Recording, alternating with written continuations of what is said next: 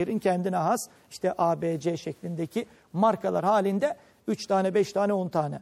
Artı belli gelişmiş şehirlerdeki bu Eskişehir'de onlardan bir tanesi hemen hemen uluslararası perakende zincirlerinin, uluslararası büyük markaların büyük bir çoğunluğu artık burada şehrimizde oluyor. Ve çok rahatlıkla da biz gidip alışverişlerimizde alışveriş merkezleri dediğimiz bir kavram çıktı ortaya. Artık yani alışveriş dediğimiz olay, tüketim dediğimiz olay açısından baktığımız zaman bundan 10 sene önce bakkalların, marketlerin yaptıkları işler ile bugünkünü kıyasladığınız zaman bu farklılaşmaya başladı. Artık alışveriş merkezleri hatta birçok şehirde alışveriş merkezlerinin isimleri de değişmeye başladı. Değişiklik yapmaya başladılar.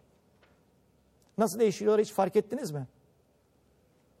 Yani AVM şeklinde kısaltması var ama o kısaltmanın yanına bazı şehirlerde ve artık e, değişik efendim Plus ekliyorlar galiba. Plus'ın ötesinde daha farklı önemli bir kavram var arkadaşlar.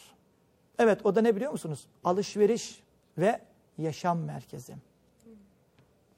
Şimdi artık baktığımız zaman birçok şehirde bakın bir alışveriş merkezinin açılabilmesi için belli bir müşteri trafiğinin, belli bir ticari cironun hacmin olması lazım.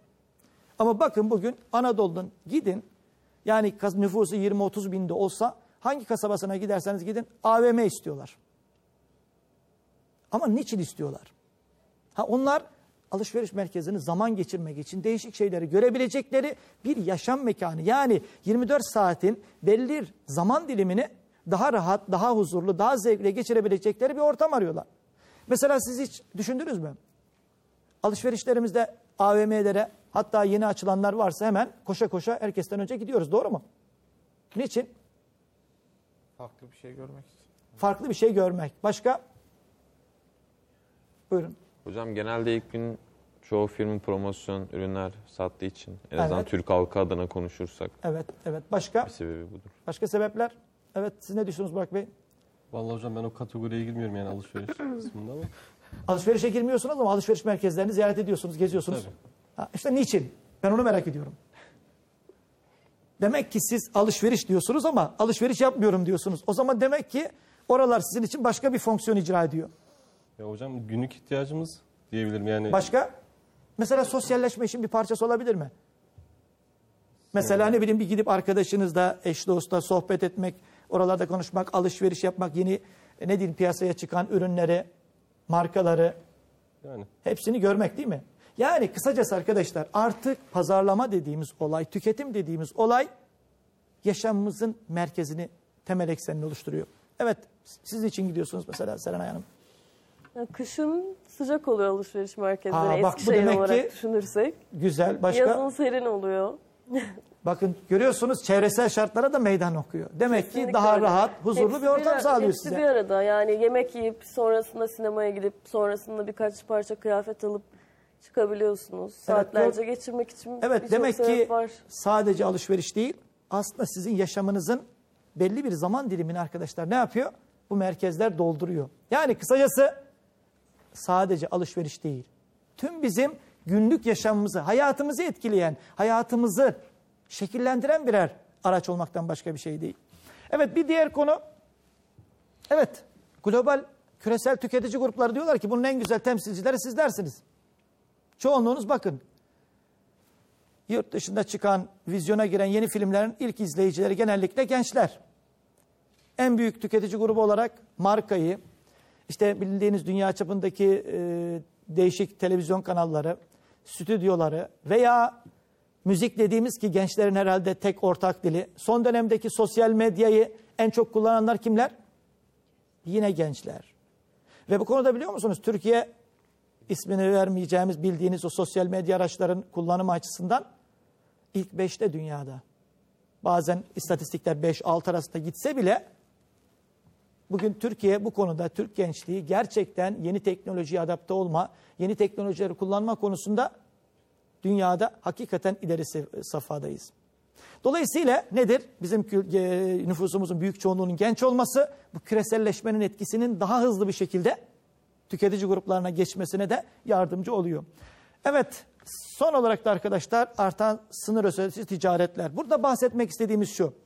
Bundan e, 20-25 sene önce dış pazarlara açılan, yurt dışında firma alan Türk firması sayısı ya da şirketleri satın alan sınırlıydı. Ve dikkat edin Türk firmaları ne zaman yurt dışı pazarlarda, diğer ülkelerde markalar, firmalar satın alıyor. Bir zamanlar hatırlarsanız Türkiye'nin o 2000'lerin başındaki krizlerde birçok Türk bankası veya diğer firmalar yabancı firmalara satıldı. Ama şu son 2-3 yıla da baktığımız zaman Avrupa'daki kriz ve diğer ülkelerdeki kriz sebebiyle birçok yerli firma, çoğunu bunu medyaya bile çoğu yansımadan yabancı markaları ki bunların büyük bir kısmı global, küresel markalar ve bunları satın alıp Türk firmaları tüm dünya pazarlarına hızlı bir şekilde yayılma eğilimine girmiş durumdalar. Dolayısıyla artık sadece Türk firmaları Türkiye içinde, yurt içinde veya sınırlı bir bölgede ticaret yapan firmalar değil, daha uzun, daha geniş bir e, alanda faaliyet göstermeye çalışan firmalar.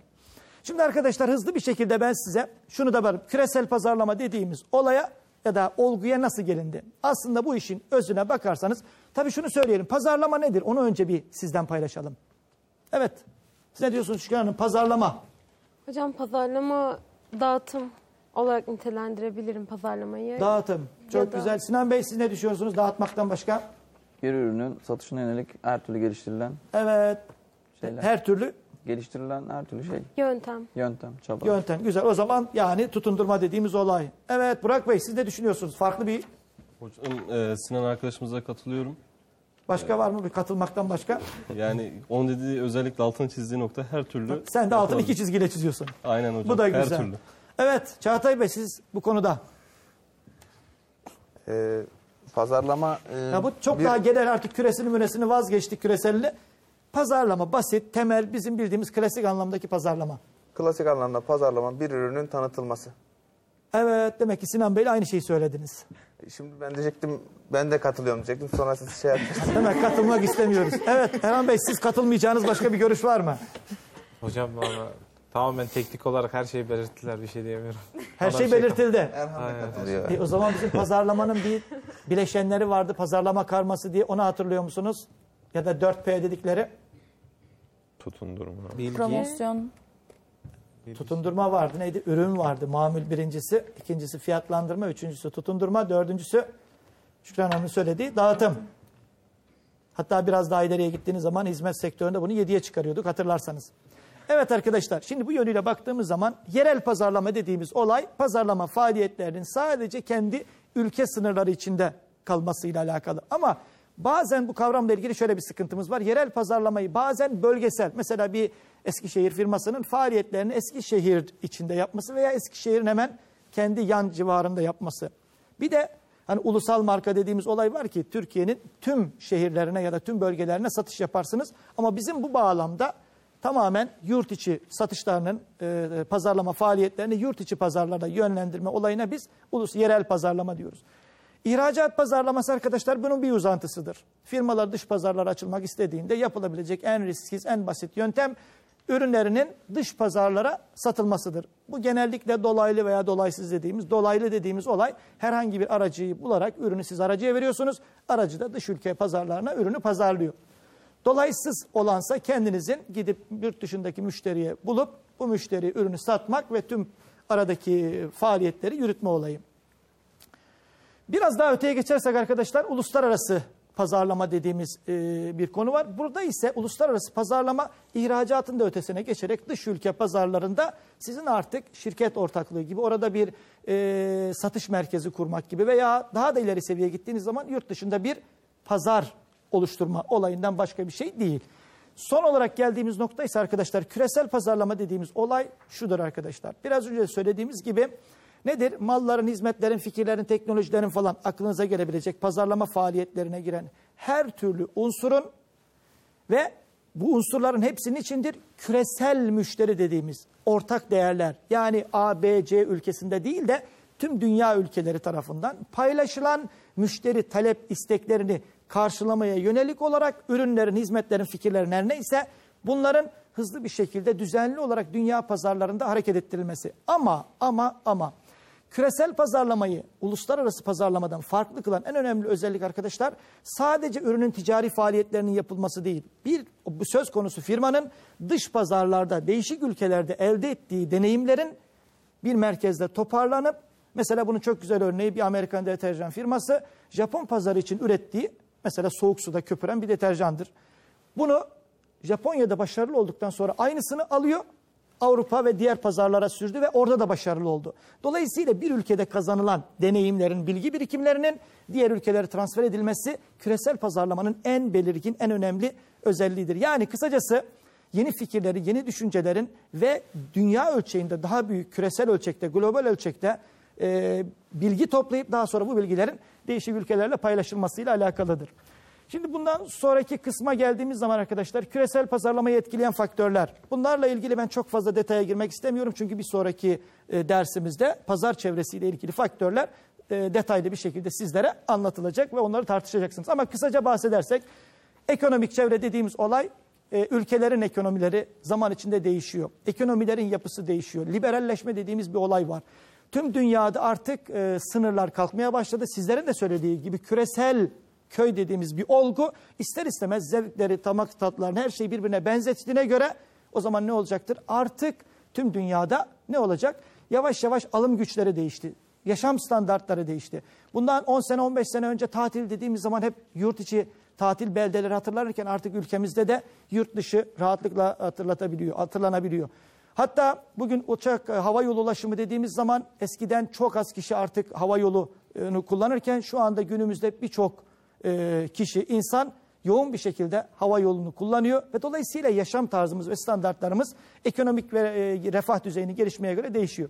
Teknoloji, teknoloji zaten yapısı gereği küres, küreseldir. Dolayısıyla en sonda internetin gelişimi, dağıtım teknolojileri ki bu girdiğimiz artık ERP türü teknolojiler var. Yani kısacası iş yapma şekilleri, dağıtım, lojistik gibi faaliyetler hemen hemen tüm dünyada benzer mantıkla benzer şekillerde yürütülüyor. Yasal politik çevreler Dünya Ticaret Örgütü'nden tutun da ülkemizdeki işte tüketici hakları, rekabet kanunu gibi kanunların hepsi nedir? Ticaretin önündeki engellerin azaltılarak tüm dünyada sınırsız bir ticaretin oluşması için girişimlerin sonucu oluyor. Demografik ve sosyal çevredeki değişkenler zaten çok sayıda var. Bunlar mesela Türkiye genç nüfusa sahip olmasına rağmen bugün Amerika'da, Avrupa'da grey marketing dediğimiz bir kavram var. Toplam nüfusun önemli bir kısmı yaşlı.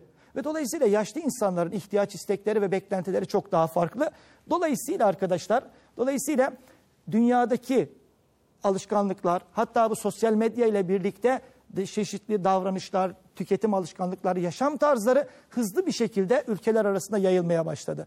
Hatta eskiden bir ürünün Türk pazarına, Türkiye pazarına gelmesi için haftalar, aylar olması gerekirken artık ülkemizde de birçok dünya üzerinde çıkan en son işte mesela akıllı telefonlar Amerika'da çıktığı an bakıyorsunuz Türkiye'de de çıkabiliyor. Hatta Türkiye'de çıkmasa bile çok rahatlıkla teknoloji vasıtasıyla aynı gün siparişi verip ertesi gün alabiliyorsunuz ürünü. Dolayısıyla artık o küresel dediğimiz zaman ve mekan baskısı tamamen ortadan kalkmış durumda.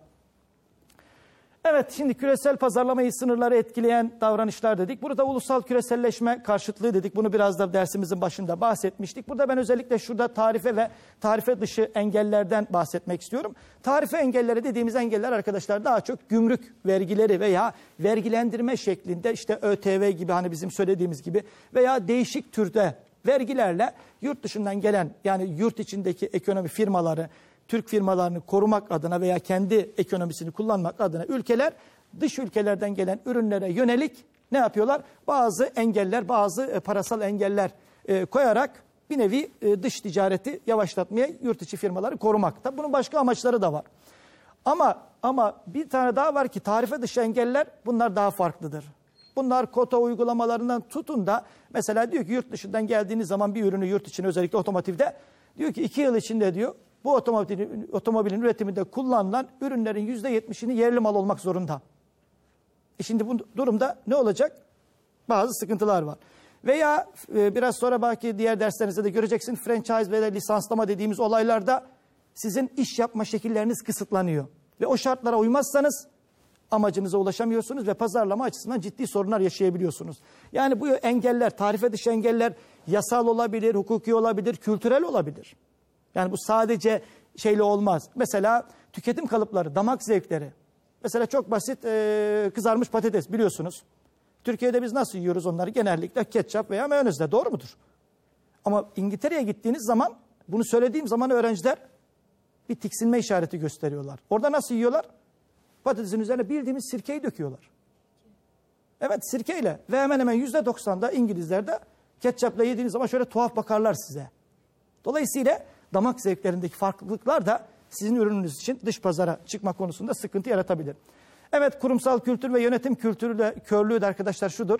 Birçok firma arkadaşlar artık baktığımız zaman günümüzde özellikle KOBİ'ler ve küresel bakış açısı olmayan firmalar idaredeki güçlerini, kontrollerini yitirmek istemiyorlar ve dolayısıyla dış pazarlara açıldığımız zaman o yönetimin kargaşası, stratejik sıkıntıları e, yönetme konusunda e, tedirgin oldukları için dış pazarlara açılma konusunda küresel bir mentaliteyle pazarlara bakma konusunda sıkıntı yaşıyorlar. Son olarak da kültürel farklılıklar.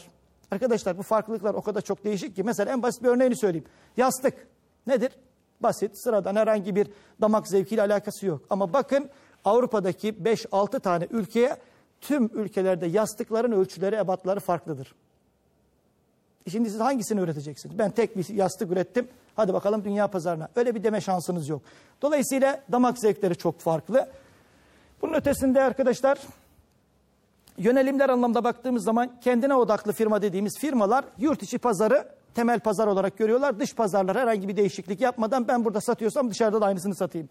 Bölge odaklı pazarlama arkadaşlar bu daha çok regional dediğimiz bölgesel anlamda siz diyorsunuz ki mesela North Amerika, Kuzey Amerika veya Avrupa pazarı. Bu Avrupa'daki tüm ülkeleri bir pazar gibi görüp buraya yönelik çalışma yapıyorsunuz, faaliyet yapıyorsunuz. Dolayısıyla o bölgeyi kendinize baz alıyorsunuz. Çok odaklı dediğimiz arkadaşlar polisentrik. Bu şu anlama geliyor. Her ülke farklıdır. Ben her ülkeye girerken farklı bir pazarlama karması, farklı damak zevki, farklı fiyatlandırma ve farklı dağıtım kanalı uygulayayım sorusunun cevabıdır. Dünya odaklı ise arkadaşlar işte küresel dediğimiz bu.